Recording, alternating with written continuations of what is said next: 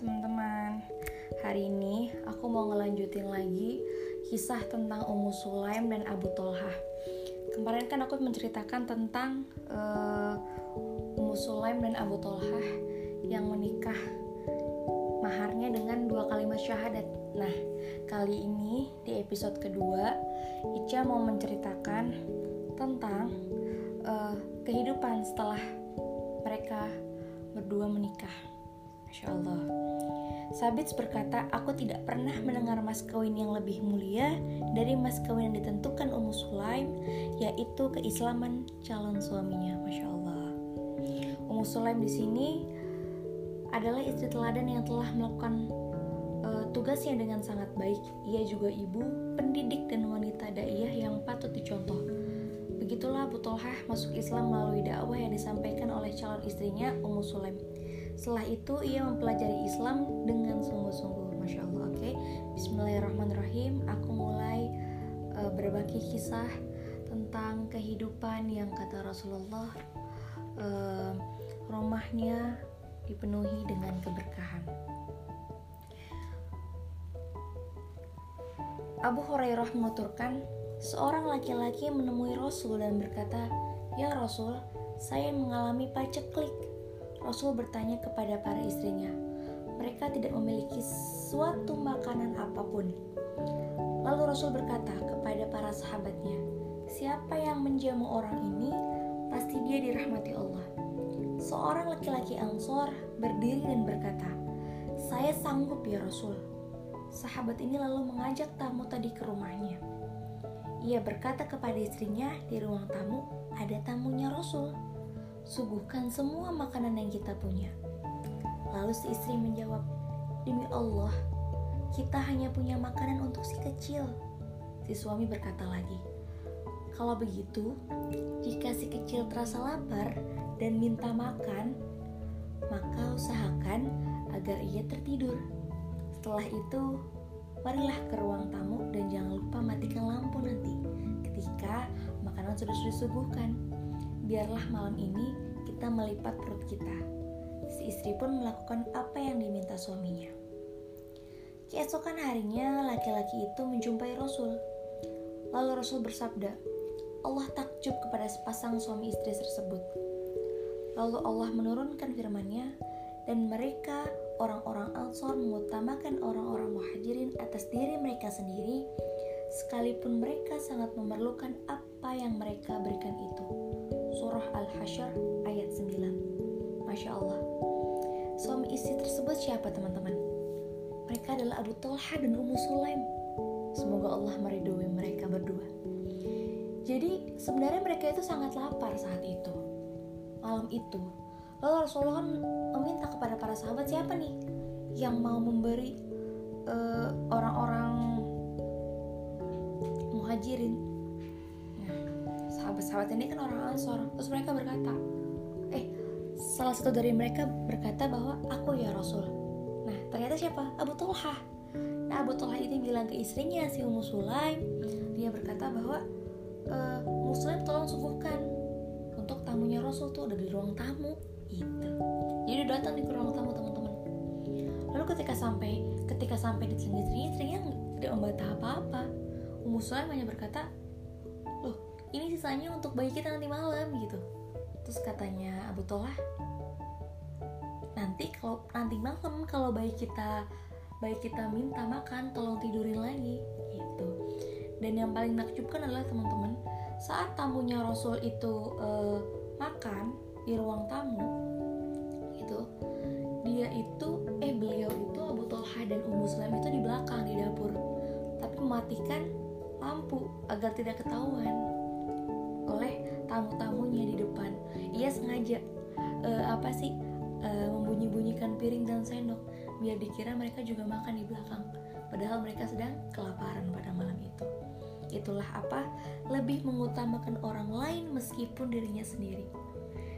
Makanya langsung dibilangin kan uh, esokan harinya laki-laki menjumpai Rasul dan Rasul bersabda dan mereka orang-orang Ansar mengutamakan orang-orang muhajirin Allah merasa takjub. Masya Allah itu ada di surat Al-Hasyr ayat 9 lalu di rumah yang keberkahan penuh eh cerita yang kedua dari keberkahan Abu Tolha dan Ummu Sulaim ini adalah apa? Coba teman-teman. Pada suatu hari rumah yang ditempati Abu Tolha dan Ummu Sulaim adalah rumah yang penuh berkah. Lebih jelasnya mari kita simak lagi ya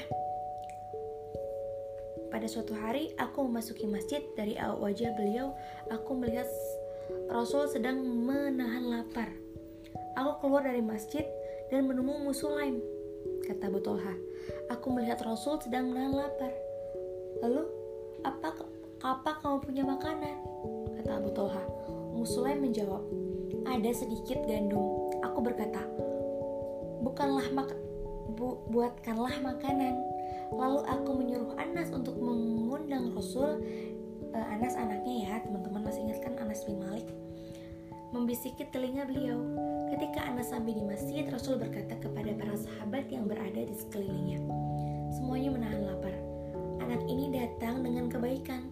Lalu beliau berkata kepada Anas bin Malik, "Kamu disuruh ayahmu mengundang kami."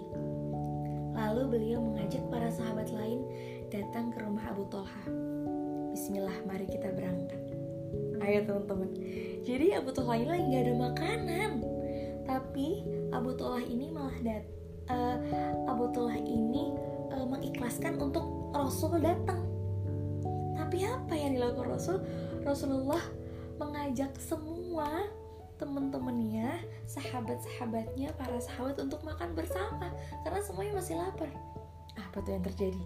Kita kita saksikan lagi coba. Anas bergegas ber, terlebih dahulu untuk menemui Abu Talha. Anas panik dong.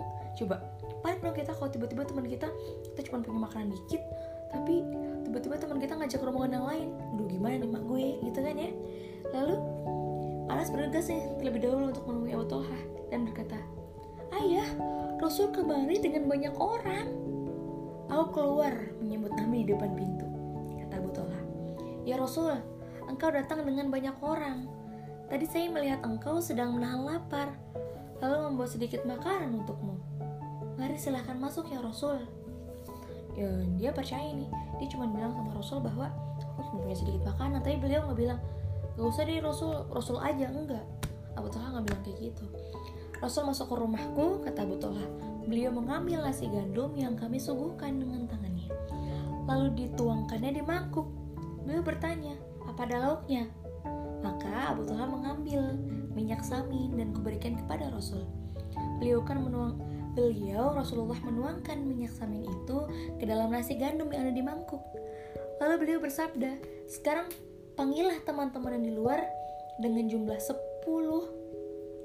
10 10 secara bergantian jadi ternyata banyak gitu. loh jadi uh, masuk ke rumahnya Abu Toha 10 10 ya 10 10 gitu. Paling nggak kalau kalian jadi Abu Toha? Jangan jadi Abu Toha deh kalau kalian perempuannya uh, gimana tuh? Reaksi kalian jadi Ummu Sulaim yang sisanya cuma gandum doang sama minyak samin. Pada zaman itu kan minyak samin tuh kayak apa ya kayak rempahnya gitu bumbunya mecinnya gitu lah. Satu persatu dari para sahabat itu makan hingga kenyang Kemudian beliau berkata kepadaku dan keluargaku, sekarang giliran kalian makanlah. Lalu kami makan hingga kenyang. Tuh, masya Allah.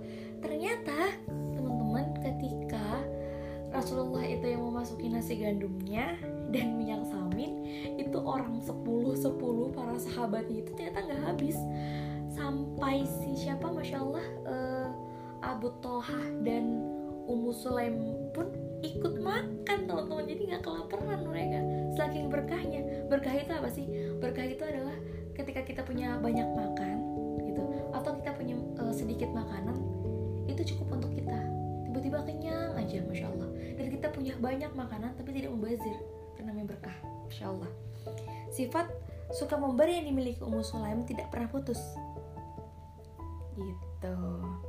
Makanya uh, Rasul menikah dengan Zainab bin Jahsy pun ia membuatkan makanan dari korma dan minyak samin. Lalu dibantu Anas ia mengantar makanan ini kepada Rasulullah. Makanan itu pun mampu mengenyangkan berapa banyak orang. Masya Allah. Jadi teman-teman apa berkah yang bisa kita ambil atau apa sih intisari yang kita bisa ambil? Jadi jangan takut untuk memberi orang. Lebih mengutamakan orang lain lah. Meskipun diri sendiri juga sangat membutuhkan. Karena kalian yakin kan? Allah melihat. Semut aja teman-teman. Semut kecil tak terlihat di bawah tanah saja. Ketika ia lapar Allah memberi, apalagi kita yang manusia. Semoga bermanfaat, hindari Ica. Nanti ikutin ya episode ketiganya. Episode ketiga nanti Ica akan menceritakan tentang kesabaran yang tiada dua dari keluarga Abu Tolhah dan Ummu Salim. Thank you untuk mendengarkan. Semoga bermanfaat. Jangan lupa di-share. Wassalamualaikum warahmatullahi wabarakatuh.